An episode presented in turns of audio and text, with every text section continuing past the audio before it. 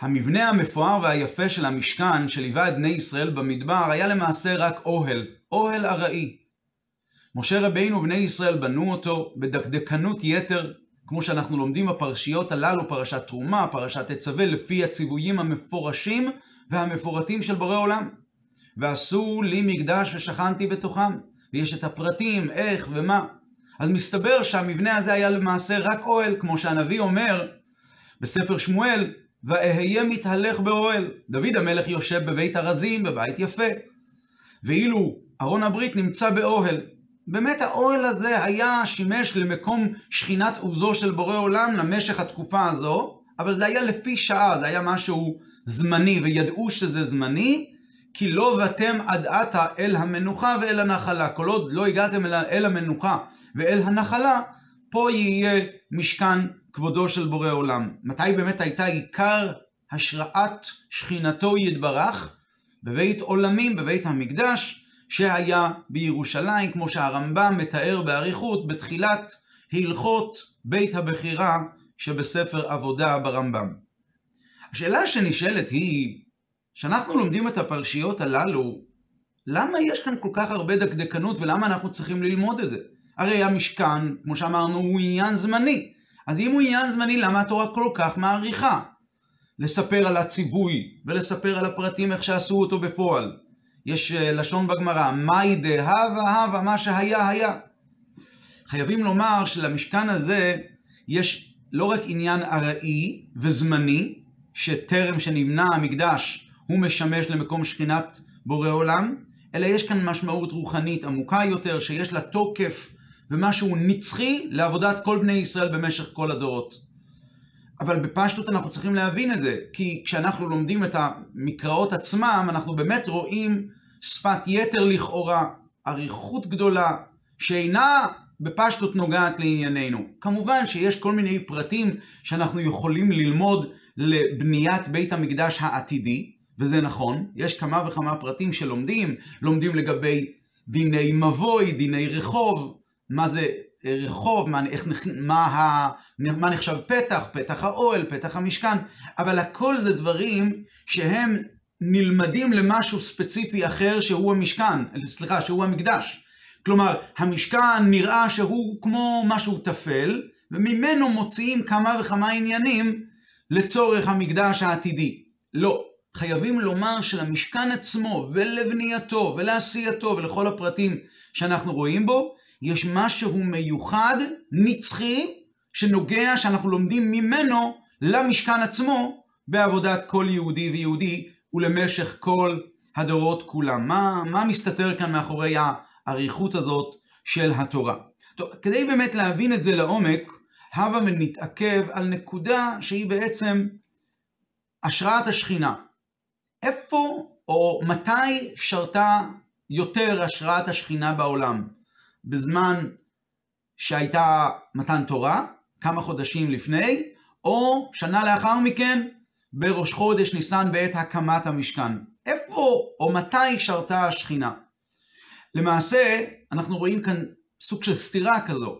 חז"ל אומרים שתכלית בריאת העולם היא נתאווה הקדוש ברוך הוא להיות לא יתברך דירה בתחתונים. הקדוש ברוך הוא רוצה שהעולם הזה הגשמי יהיה כמה שהוא נחות, כמה שהוא שפל, הוא יזדכך ויתקדש ויהפוך להיות ראוי למקום דירה ומשכן לבורא עולם, לשכינתו יתברך. מתי זה יהיה בצורה מושלמת? אנחנו יודעים שזה יהיה רק לעתיד לבוא, כאשר העולם כולו יהיה משכן לקדוש ברוך הוא, לא רק מקום ספציפי, וגילוי שכינתו של הקדוש ברוך הוא יהיה בכל העולם כולו, כמו שנאמר, וראו כל בשר יחדיו, כל בשר, ונגלה כבוד השם, והשכינה תהיה ומלאה הארץ דעה את השם.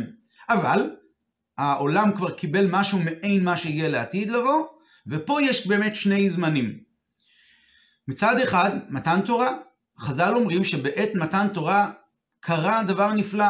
אז התבטלה הגזירה, ההפרדה שהייתה בין העולמות, השמיים שמיים להשם, לבין הארץ נתן לבני אדם. עניינים רוחניים שמימיים לא יורדים לעולם השפל והנמוך, ועניינים ארציים וגשמיים נותרים ארציים ונותרים נחותים, ולא יכולים להתקדש ולעלות למעלה. ככה זה היה לפני מתן תורה. הייתה גזירה, כמו שהמדרש מתאר באריכות, משל לבני רומי ובני סוריה, שאמר המלך, בני רומי לא ירדו לסוריה, ובני סוריה לא יעלו לרומי. ובמתן תורה בטלה הגזירה.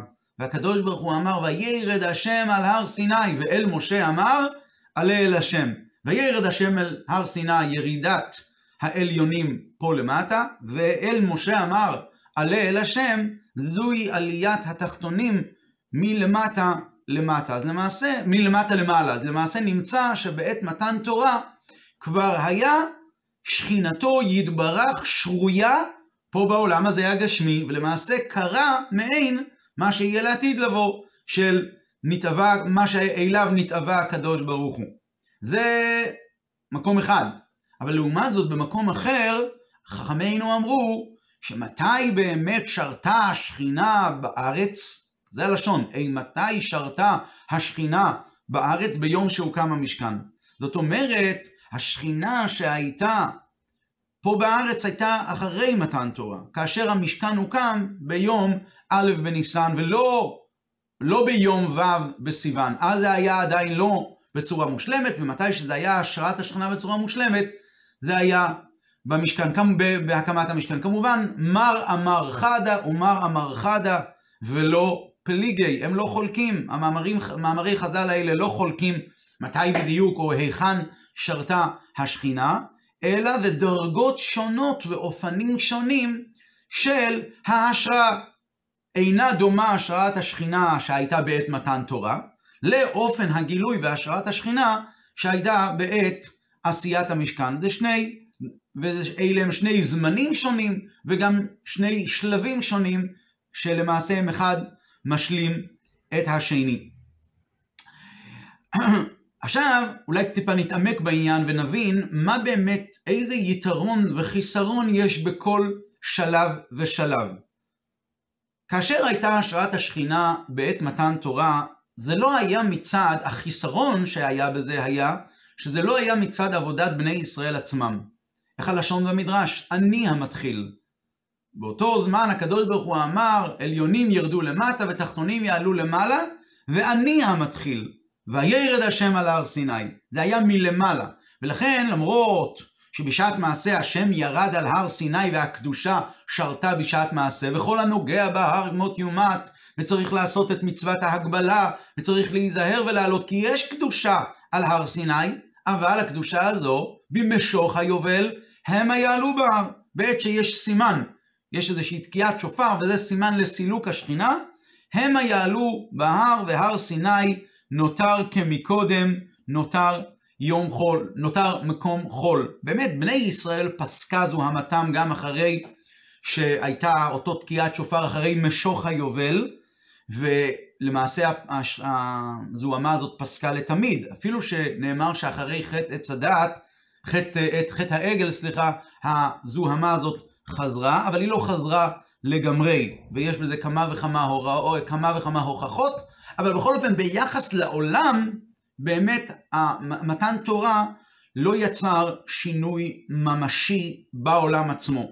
לעומת זאת, ביחס להשראת השכינה במשכן, על ידי שמה שהיה ועשו לי מקדש, על ידי העשייה של בני ישראל, וכמו שהתורה באמת מדגישה כל הזמן, ועשו, ועשו, ועשו, ועשית, צריך לעשות את המשכן, את המשכן תעשה עשר יריות.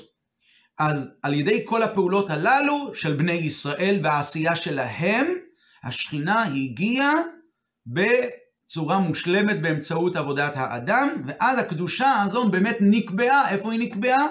בגשמיות המשכן, בחלקי המשכן עצמו, וגם בכלים שלו, שהם הפכו להיות כלים קדושים ולתמיד. מה באמת ההסבר בזה?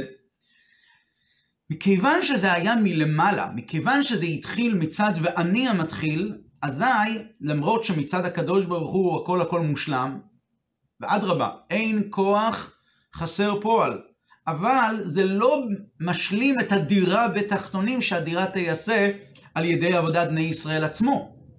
ולכן, אמנם באמת זה הכל היה מושלם וזה היה חזק ויחרד כל ההר מאוד, אבל זה עדיין לא היה, זה הקיף את כל העולם כולו. אנחנו יודעים בפועל שזה הקיף את כל העולם כולו, כל העולם כולו למעשה התבטל מלהיות מציאות. כתוב במפורש את הביטוי שציפור, המדרש אומר, ציפור לא צבח ושור לא גאה, העולם כולו התבטל, זאת אומרת לאו לא דווקא במקום הגשמי של הר סיני היה התבטלות וקדושה, אלא הקדושה למעשה ביטלה את כל העולם כולו, עד כדי כך שכולם באו לבלעם ואמרו לו מה קורה כאן, ונאמר, ובלעם אמר להם, השם עוז לעמו ייתן, כל העולם כולו כביכול חש באיזושהי תחושה עילאית נעלית, אבל זה בא מלמעלה וזה לא בא מצד בני ישראל עצמם, ושלימות הגשמת רצון האלוקי הוא שהדירה הזאת תייסד דווקא על ידי בני ישראל עצמם, שהתחתון מתקדש מצד עצמו ונעשה באמת ראוי לשכינתו יתברך, וזוהי המעלה שיש בדירה בתחתונים שנפעלה על ידי עשיית המשכן, שזה עוד יותר נעלה מהשראת השכינה שהייתה במתן תורה, פה זה כבר היה מכוח העבודה של בני ישראל עצמם. לפי הרעיון הזה אנחנו מבינים עניין מאוד מאוד תמוה בפרשה שלנו, פרשת תרומה. הפרשה כולה עוסקת בעשיית המקדע, המשכן. ועשו לי מקדש ושכנתי בתוכם. לכאורה, במילים הללו הייתה התורה צריכה לפתוח את הפרשה. וידבר השם אל משה לאמור, ועשו לי מקדש, ושכנתי בתוכם. אוקיי, ואיך עושים את זה? ויקחו לי תרומה מאת כל איש אשר ידבנו ליבו. עכשיו תיקחו תרומות מבני ישראל, וזאת התרומה אשר תיקחו מאיתם, אלה החומרים הנדרשים, וקדימה לעבודה ולעשות את המקדש. אבל דבר ראשון צריכה, התורה צריכה לספר על, לא על הדברים הצדדיים, איך, מיתר, מה לתרום ואיך לתרום, אלא דבר ראשון צריך לדבר על המטרה, והמטרה היא ועשו לי מקדש ושכנתי בתוכם. ובפועל אנחנו רואים שתחילת הפרשה מדברת וגם בפירוט, פירוט די רחב, על הרמת התרומה, ויקחו לי תרומה, ואחרי זה איזה תרומה בדיוק, ורק אחרי זה אנחנו שואלים את עצמנו בשביל מה, ואז מתגלה לנו, עשו לי מקדש, כמה פסוקים לאחר מכן, שכל המטרה של התרומות הללו זה בשביל, ועשו לי מקדש ושכנתי בתוכם. אז זה פלא עצום וצריך להבין את זה. הפלא הזה מתחזק בהמשך למה שאנחנו יודעים על השם של הפרשה. ידוע, הנושא הזה מטופל במקומות אחרים, ששם הפרשה מורה על התוכן הכללי של הפרשה. כל פרשה ופרשה, השם שלה מורה על התוכן הכללי, וזה לאו דווקא המילה הראשונה. הנה, תולדות נוח, אז הפרשה לא נקראת אלה תולדות, אלא פרשת נקראת נוח. למה? שם פרשת השבוע של נוח הוא נוח, כולל את כל פרשת נוח. בפרשת תולדות, למרות שהוא פותח במילים, במילים אחרות, ובכל זאת, אלה תולדות יצחק בן אברהם, פה זה נקרא, זה לא פרשת יצחק, אלא פרשת תולדות. למה? שם פרשת השבוע הוא מורה על התוכן הכללי של כל הפרשה, והוא גם מבטא את עיקר המהות של הפרשה. ייתכן שיש נושאים שונים בפרשה, אבל הנקודה של הפרשה תהיה בשם של הפרשה. והנושא הזה כאמור מטופל במקומות אחרים באריכות רבה. מן הדין היה שתיקרא פרשת תרומה בשם פרשת המקדש, או פרשת המשכן. התורה הייתה צריכה לקרוא ועשו לי מקדש, זהו, זה יהיה שם פרשת השבוע, פרשת מקדש, או פרשת משכן. אז זה הרבה יותר מבטא את מה שאנחנו לומדים בפרשה. אז השם הזה מבטא הרבה יותר גם את מהות השכינה, השראת השכינה פה בעולם הזה הגשמי. משכן, מקדש, מקדשים את העולם. השם שוכן פה בעולם. ובפועל, שם פרשת השבוע הוא תרומה, על שם התרומה של בני ישראל, שזה עניין צדדי לכאורה בכל כללות עניין המשכן, השראת השכינה פה בעולם. למה באמת התורה מדגישה את עניין התרומה ביחס לעניין ההקמה והעשייה של המשכן ביחס למשכן עצמו? אז על פי מה שאמרנו מקודם, עכשיו נבין את זה מצוין. מה זה תרומה? תרומה למעשה יש שתי ביורים במילה תרומה. תרומה זה מלשון הרמה, להרים, וגם תרומה זה מלשון הפרשה. רש"י והמפרשים האחרים אומרים להפריש. שלוקחים דבר ומפרישים אותו ומבדילים אותו משאר הרכוש. כשאנחנו שומעים את המילה תרומה אנחנו מיד רואים כאן איזושהי הדגשה, שמה? שהאדם לא הרים את כל נכסיו להשם, הוא לא אה, הקדיש את כל נכסיו להשם, זה נקרא מקדיש או נותן. תרומה, הכוונה היא שנותר חלק גדול ברשותו שלו, שלא נתרם לבית המקדש, או שלא נתרם למשכן, וממנו, מהנכסים שלו, הרימו משהו מסוים. מה, וזה הכוונה, הרמה והפרשה, למעשה שתי הפירושים האלה הם הולכים ביחד. התרומה מבטא את ההשראת, המילה תרומה מבטאת את ההשראת השכינה שהייתה במשכן. כמו שאמרנו מקודם, שהשראת השכינה במשכן שונה לגמרי מהשראת השכינה שהייתה בזמן מתן תורה. כאמור, בזמן מתן תורה השראת השכינה הייתה בעולם מאת השם, זה בא מלמעלה. ואז באמת העולם במידה מסוימת כל כולו התבטל, ולא היה הפרשים מסוימים במקום זה או במקום זה, השם התגלה בעולם, והעולם מתבטל. כאמור, שור לא גאה, ציפור לא צבח, וכולי, חז"ל מעריכים בזה בדרשותיהם במדרש רבה. לעומת זאת, כאשר מדובר על הקמת המשכן, אז פה בתרומה, פה השכינה, השכינה לא שרתה בכל מקום בשווה, ואדרבה, גם במשכן עצמו היה חלקים שונים ורבדים שונים, והאדם הרים, וזה מתבטא במילה תרומה, הבן אדם מרים חלק מסוים מנכסיו, ואותו הוא מפריש ומרים אותו לשמו יתברך לשם השם. אז מכיוון שעבודת האדם שעליה אנחנו מדברים כאן, היא עבודה שהאדם עושה, והאדם הוא הרי הוא מוגבל, אז האדם עושה, אז אנחנו צריכים להתחשב בצעדי האדם, וזה הולך צעד אחר צעד. בהתחלה הוא מפריש משהו מסוים, הפרשה, אחרי זה הוא מרים עוד דבר, הפרשה, הרמה, אז הוא עדיין לא מקדיש את כל כולו להשם, מפריש חלק מהמציאות שלו.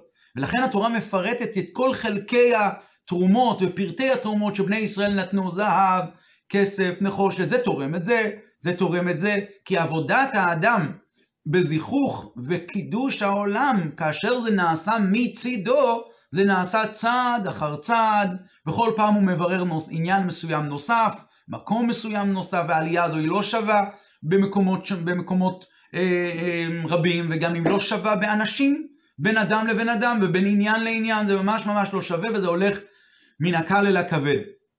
עכשיו, נכון, השראת השכינה הייתה, הפתיח שלה, הספתח שלה היה במתן תורה. החידוש של הפרשה שלנו, פרשת תרומה, היא שההקמה נעשה שלב חדש בהפרשת, בהשראת השכינה, שפה זה נעשה על ידי בני ישראל. תרומה והשראת השכינה בעולם, פה היא הופכת להיות אפילו באופן, במידה מסוימת אפילו נעלה יותר מאשר בזמן, בזמן המקדש, בזמן, סליחה, בזמן מתן תורה. ולכן הפרשה לא נקראת על שם השראת השכינה, שזה כבר היה, התחיל להיות לפני, אלא על שם תרומה, שזה מורה על העבודה, על העבודה של הבן אדם. הוא מרים תרומה, וזאת התרומה, פרשת התרומה. עבודת האדם שהיא מרימה חלק מסוים מנכסיו ועוברת להקדיש אותם להשם, וככה זה נעשה צעד אחר צעד, ולכן התורה גם בפתיח שלה מפרטת את החלקים. היא לא אומרת בצורה כללית, את התרומות תיקחו מאת בני ישראל, אלא יש כאן פרטים ופרטים שונים, 13 דברים, 15 דברים, זהב, כסף, נחושת, והתורה חוזרת גם כמה וכמה פעמים על המילה תרומה, וזאת, ויקחו לי תרומה, מאת כל איש אשר יבוא תיקחו תרומתי, וזאת התרומה אשר תיקחו מאיתם. וכמובן חז"ל כאן דורשים שאפילו שמדובר כאן על תרומה אחת למלאכת המשכן, יש כאן כמה וכמה רמזים לתרומות נוספות שקשורות למשכן. בניית המשכן, האדנים, כמו שמבואר באריכות ברש"י בתחילת הפרשה. זוהי הסיבה שהשם של הפרשה נקרא, נקראת פרשת תרומה. לפי הרעיון הזה אנחנו מבינים היטב מדוע התורה מעריכה בסיפור של עשיית המשכן בפרשיות הללו, מתחיל בפרשת תרומה, אפילו שאנחנו יודעים שאחרי הכל ואחרי כל התרומות ואחרי כל העשיות זה עדיין היה בבחינת אוהל ארעי ולא נצחי ביחס שלו לבית המקדש, כי המשכן הרי נעשה במדבר. והמדבר, לכאורה המדבר זה מקום שהוא נורמלי להשראת השכינה? אדרבה, המדבר זה, הנביא אומר בספר ירמיה, מקום מדבר אשר לא ישב אדם שם. הפירוש ברוחניות הוא מדבר אשר לא ישב האדם העליון שם. כלומר, הקדוש ברוך הוא, שמכונה בשם האדם ועל הכיסא דמות כמראה אדם, כמו שיחזקאל אומר במחזה שלו, אז הקדוש ברוך הוא לא יושב שם, לא שוכן במדבר. כלומר, זה מקום נחות, זה מקום מגושם, זה מקום ללא לחלוכית, ללא צמיחה, ללא איזשהו חיות וחיוניות, וזה באמת מבטא משהו מאוד מאוד שפל ונמוך. אז תראו את היחסיות.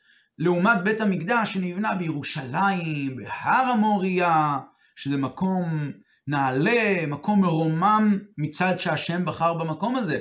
השם בחר במקום הזה, בכלל על ארץ ישראל, השם אמר, עיני השם אלוקיך בא, תמיד עיני השם אלוקיך בא, מראשית השנה ועד אחרית השנה, ובארץ ישראל גופה. ירושלים, שזה פלטרין של מלך, יראה שלם, מקום מאוד מאוד מוכן ומזומן לשלימות ביראת שמיים. בירושלים עצמה, אז המקדש עצמו היה, וזה יעקב אבינו אומר, מיוזמת, הוא מרגיש שזה, כמו שזה בא מלמעלה, וזה שער השמיים.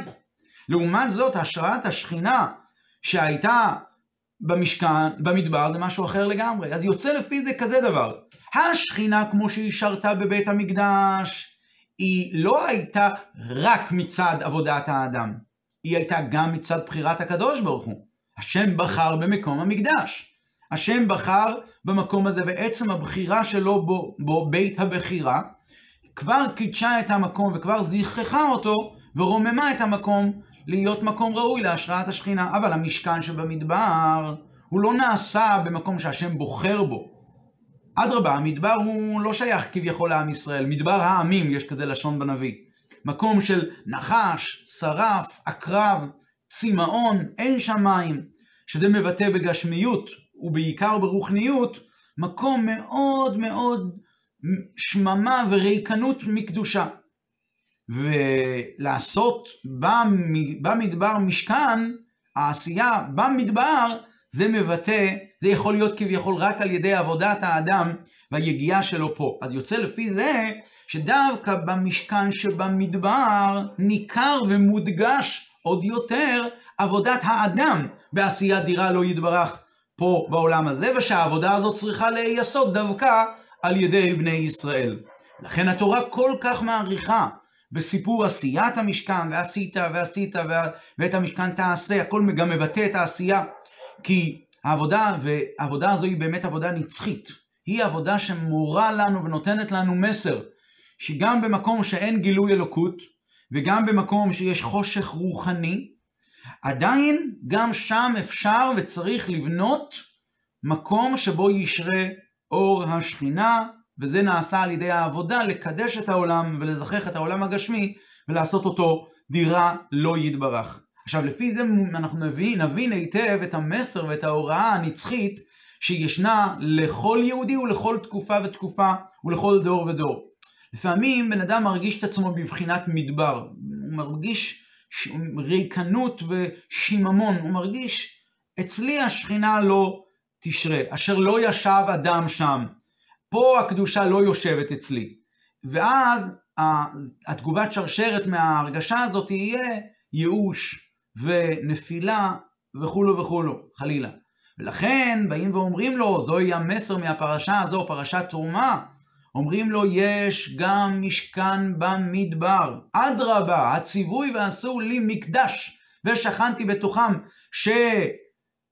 שנעשה בשלמות בבית המקדש, התחיל. איפה הוא התחיל וגם התקיים בפועל? במדבר. גם בהיותך מדבר, כביכול, אומר הקדוש ברוך הוא ליהודי, אתה יכול באמצעות יתרון האור מן החושך אתה יכול לבנות מדבר, יכול לבנות במדבר שלך משכן לקדוש ברוך הוא, ואז כתוצאה מזה אתה מגיע לדרגה נעלית כל כך כביכול האלוקות שתשרה שם היא השכינה בעצמותה, שעליה נאמר כי לא אדם הוא, שהקדוש ברוך הוא כביכול הוא בבחינת לא אדם, לא כמו שנאמר ביחזקאל ועל הכיסא דמות כמראה אדם, אלא דרגה נעלית ומרוממת ונשגבה של עצמותו של בורא עולם, והיא זו ששוכנת ב, ב, בתוך כל היהודי. ולכן אנחנו מבינים, עכשיו לפי זה גם נבין מדוע בפועל הציווי על בניית המקדש נובע דווקא מהמשכן. מהחידוש של השראת השכינה במקדש לעומת מתן תורה הוא שזה תוצאה של עבודת האדם, והעניין הזה היה באמת בגלוי יותר דווקא במשכן שבמדבר. הרמב"ם באמת אומר את, הביטוי, הרמב"ם אומר ככה, והכל, יש לשון של הרמב"ם בהלכות בית הבחירה, והכל חייבים לבנות ולסעד בעצמן ובממונן ובממונם אנשים ונשים כולם צריכים לעשות ולהשתדל לבנות את כאשר בונים את המקדש אומר הרמב"ם כולם צריכים לסעד בעצמם, הדגשה אחת. הדגשה שנייה, כמקדש הבמדבר. I'm sorry, כמקדש המדבר, כמו מקדש המדבר. איזה מין צמד מילים בהלכות קודמות, הרמב"ם לא קורא למשכן מקדש המדבר. ופה הוא אומר, הכל חייבים לסעד בעצמם ולסייע בבניין כמקדש המדבר. למה? זה, זה מקדש המדבר. העניין של עבודת האדם שיש פה, שהוא מביא את התרומה, כמו שאמרנו, לבנות ולסעד בעצמם ובממונם, זה נובע, מאיפה נובע העבודה הזאת שצריכים לבית המקדש לסעד בעצמם? מאיפה זה נובע? ממקדש המדבר, מאותו מדבר אשר לא ישב אדם שם, מקום שאין בו אה, קשר גלוי לגילוי אלוקות, ואז המשכן נוצר ונעשה בצורה מושלמת דווקא על ידי עבודת האדם. שיהיה לנו שבת שלום ובשורות טובות ומשמחות.